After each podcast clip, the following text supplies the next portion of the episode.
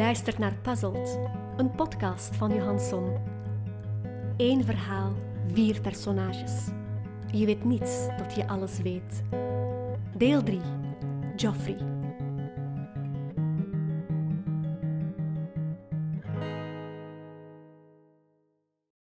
Kijk, het is niet evident om je leven in het teken van inkt te laten staan. Je scoort er niet mee op feestjes, of houdt er geen pittige anekdotes aan over. Dus probeer ik er als baas voor te zorgen dat ik mijn werknemers op een andere manier kan motiveren. Versta je? Sinds ik hier aan het roer zit, is er elke dag wel iets te doen. Um, gooi het in de groep dinsdag, beweeguurtje op woensdag, de wekelijkse happy hour op vrijdag. En dan reken ik er nog niet eens de themadagen bij. Hè. Denk maar aan Halloween, eh, de Open Bedrijvendag of het Teamweekend in december. Natuurlijk weet ik dat sommige mensen liever gewoon komen opdagen en hun werk doen. Daar ben ik me heel bewust van.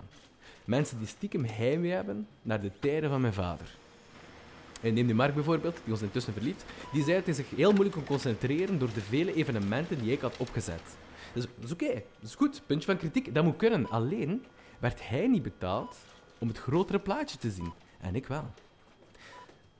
Velen beseffen niet dat ze met hun zogenaamd naarstige werkethiek een gewoonte installeren die ze later sowieso gaan bekopen. Preventief ontspannen, daar gaat het om. Als je dat niet doet, dan eindig je zoals papa zelf.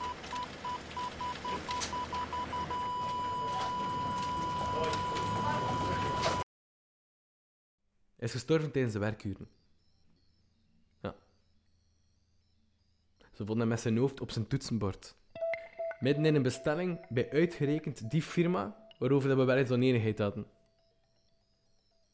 Duurzaam ondernemen, het onderzoeken van biologische inkt, het zei hem allemaal niks. ik kwam eens wel keer mijn eigen gemaakte dossiers binnen, waaraan ik dan dagen had gewerkt. Sterk doordacht, realistisch berekend, om te bewijzen dat het ook anders kon. Maar ik moest er allemaal niks van weten.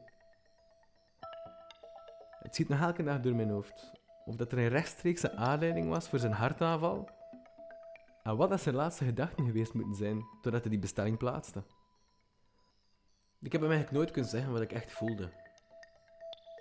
En ik denk ook dat het gevoelsmatig nooit is aangekomen. want iedere keer wanneer ik toenadering zocht, ontaarde ons gesprek in een ruzie over welke richting het moest uitgaan met mijn leven, uh, dat ik wat meer op mijn broer moest lijken, en dat hij niet kon geloven dat de zoon van hem wilde gaan werken in de softe hulpsector die draaide op mensen die zichzelf problemen aanpraten. Soms vraag ik me af hoe dat hij nu op me neerkijkt van daarboven. Wetende dat het uiteindelijk ik was die de firma overnam. Als je mij dat enkele jaren geleden had gezegd, dan had ik ook uitgelachen. Maar wat kan ik zeggen?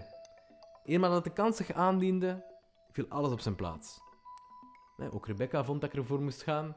Hoewel dat zij het natuurlijk ook gewoon een spannende gedachte vond om samen te zijn met de baas van een, ja, laten we toch zeggen, middelgroot bedrijf. Bon, dan mocht ik misschien niets weten van hoe dat je inkt aan de man moest brengen. Maar ik zou verdomme wel weer wat menselijkheid in bedrijf brengen. Neem nu mijn laatste initiatief. Een tijdje geleden hadden we hier een spreekster op bezoek die een uiteenzetting kwam doen over positieve bekrachtiging onder werknemers. De dame in kwestie was een, uh, iets wat van een ster in de coachingwereld. Iets wat zich ook uh, in haar dagprijs reflecteerde, kan ik je verzekeren.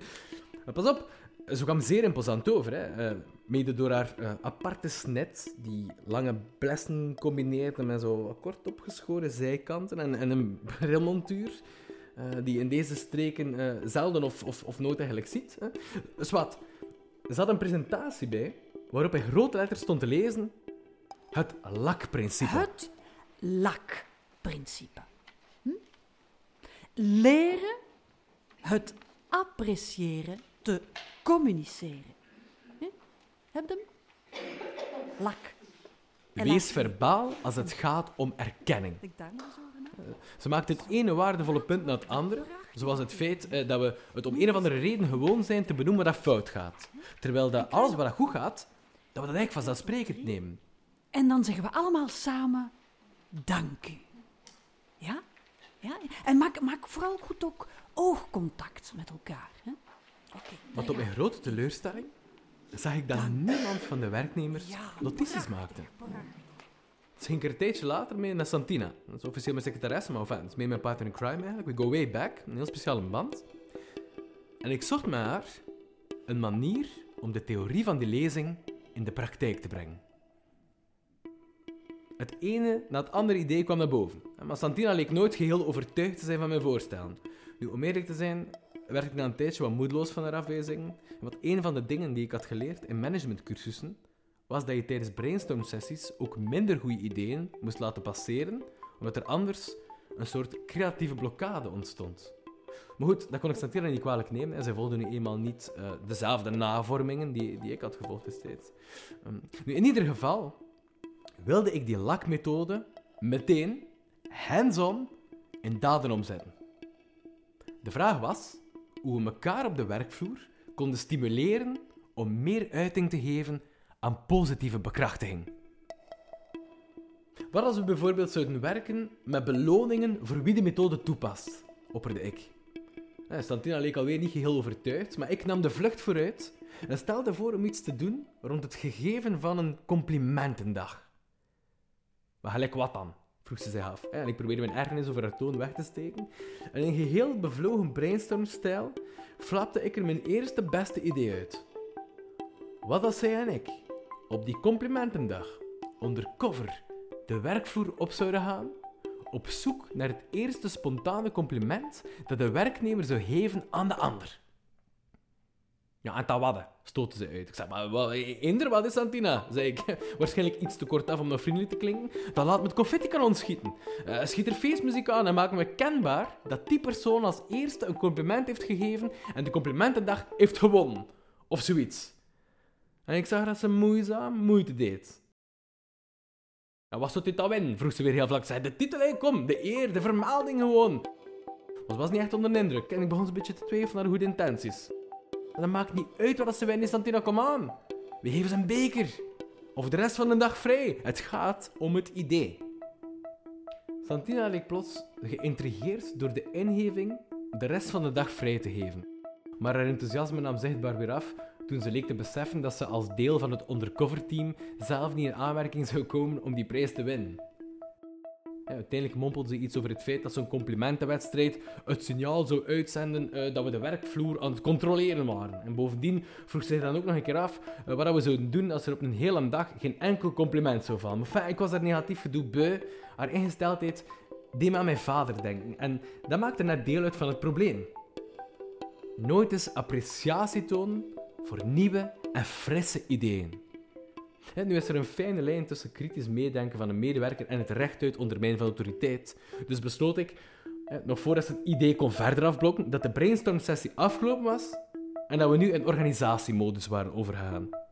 Ik droeg haar op om een confetti-kanon te bestellen en enkele flessen bubbels die ik kon verstoppen in de privékoelkast die papa destijds zijn kantoor, nu het mijne dus, had laten installeren. Vandaag was de dag waarop alles stond te gebeuren. We zouden werken van aan de centrale tafel in de kantoorruimte, die werd gebruikt voor open vergaderingen. Aangrenzend aan het aquarium en de koffiezet was de plaats waar we de meeste gesprekken dachten te kunnen opvangen waarin mogelijk complimenten zouden worden gegeven. Verstopt in een doos die kuisproducten voor het aquarium leek te bevatten, zaten er twee confettikanonnen. Het derde dat we hadden besteld, hadden we een dag ervoor de parking al uitgetest, toen iedereen aan de reus was. En de, de truc met zo'n ding was om, om niet te traag en niet te behoedzaam te werk te gaan, maar net kort en geswind de kordaatdruk te geven aan de bovenkant van de koker.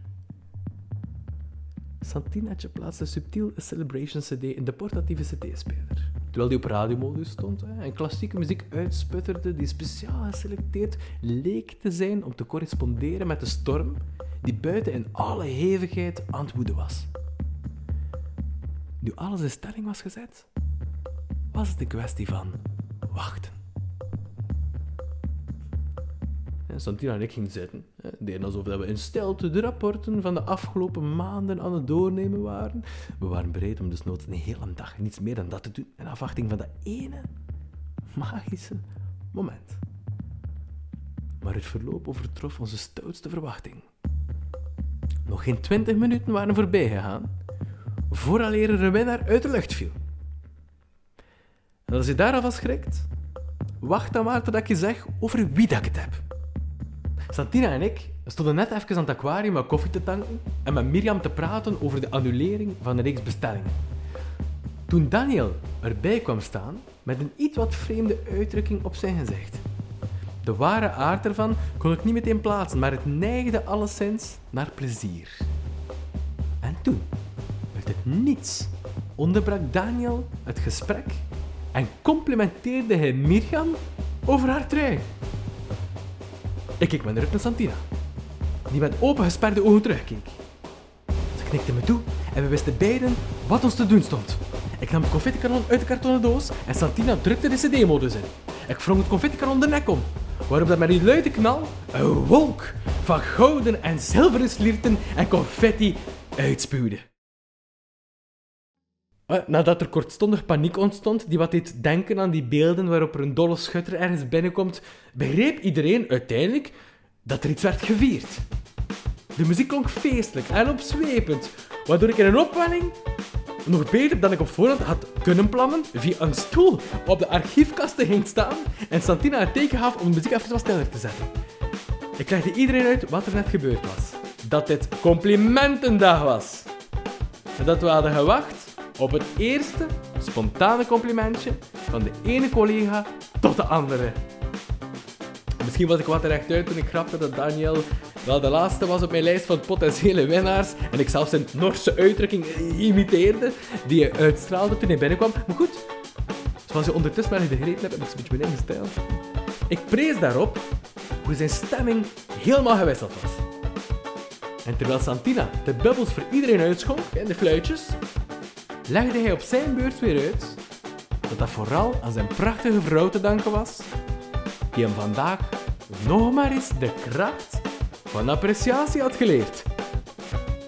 Leren het appreciëren te communiceren. Zijn Annie, zoals hij haar liefdevol noemde, had vandaag trouwens ook vrij, dus misschien zouden ze nog iets samen kunnen doen. En kijk, het is voor zo'n momenten dat je het als baas doet. Dat je waarlijk voelt dat je het verschil aan het maken bent. Ik vroeg de overige collega's om aan het raam te gaan staan, om hem feestelijk uit te zwaaien op en naar huis. En in mijn verbeelding zag ik hoe zijn vrouw thuis zou verrassen en hoe ze de rest van de dag samen kunnen doorbrengen. Dat hadden ze verdiend. Zeker na wat ze hadden doorgemaakt in 2017. Ik keek op naar boven. En ik zag dat, vrij onverwachts, het wolkendek openbrak. Ik weet dat het melig klinkt. Maar ik zou kunnen zweren dat ik mijn vader me rechtstreeks tussen die wolken zag aankijken en werd warm van binnen toen ik zijn zachte stem hoorde zeggen: Goed gedaan, jongen.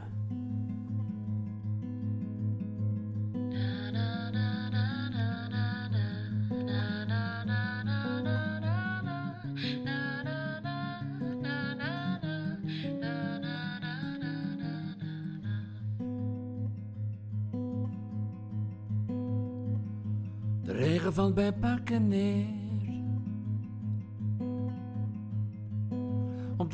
van de huizen in de straten. Op de pleinen, op de torens van de kerken van de stad. Ik kijk vanuit mijn zolderraam. Hoe je verbeten van me wegfietst, eenzaam in die zondvloed hartverscheurend nat.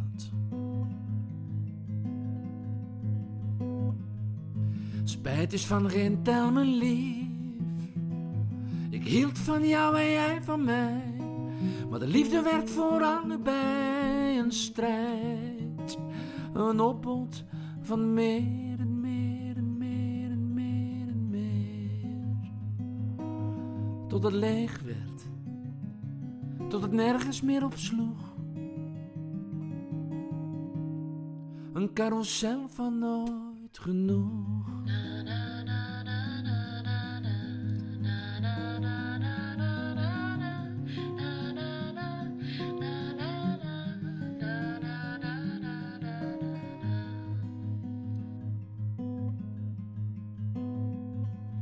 Zouden voor elkaar de beste zijn. De beste en de mooiste en de liefste. Mekaar dragen naar het einde van de tijd, zo zou het zijn. Maar spijt is van geen tel me lief. Ik hou van jou en jij van mij. Maar de liefde werd voor allebei een strijd. Een van meer en meer en meer en meer en meer. Tot het leeg werd. Tot het nergens meer op sloeg. Een carousel van nooit genoeg.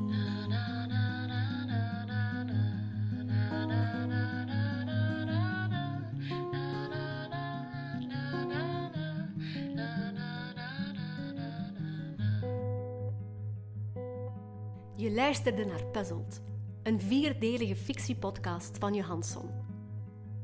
De opname, audiomix en soundscape lagen in handen van Ron de Rauw. Alles werd volledig coronaproof opgenomen in de Donkey Stable Studio. De tekst was van Johansson, die ook de rol van Daniel insprak. In deze reeks hoor je ook Eva Binon als Annie, Rick Verheijen als Joffrey en Boris van Severen als Dendrik. De titelsong Carousel van Nooit Genoeg is van Comilfo. Caroline Segers deed de tekstredactie en Eline Morfo verzorgde de visual. Deze podcast werd geproduceerd door Griet Kindero en kwam tot stand met steun van de Vlaamse overheid. Speciale dank aan Ilse La Monaca, Anton Maartens, Nona de Keizer en Caroline Meerschaert. Puzzled de podcast kan je volgen op Instagram, we heten daar Puzzled Story, of op puzzledstory.com. Bedankt voor het luisteren.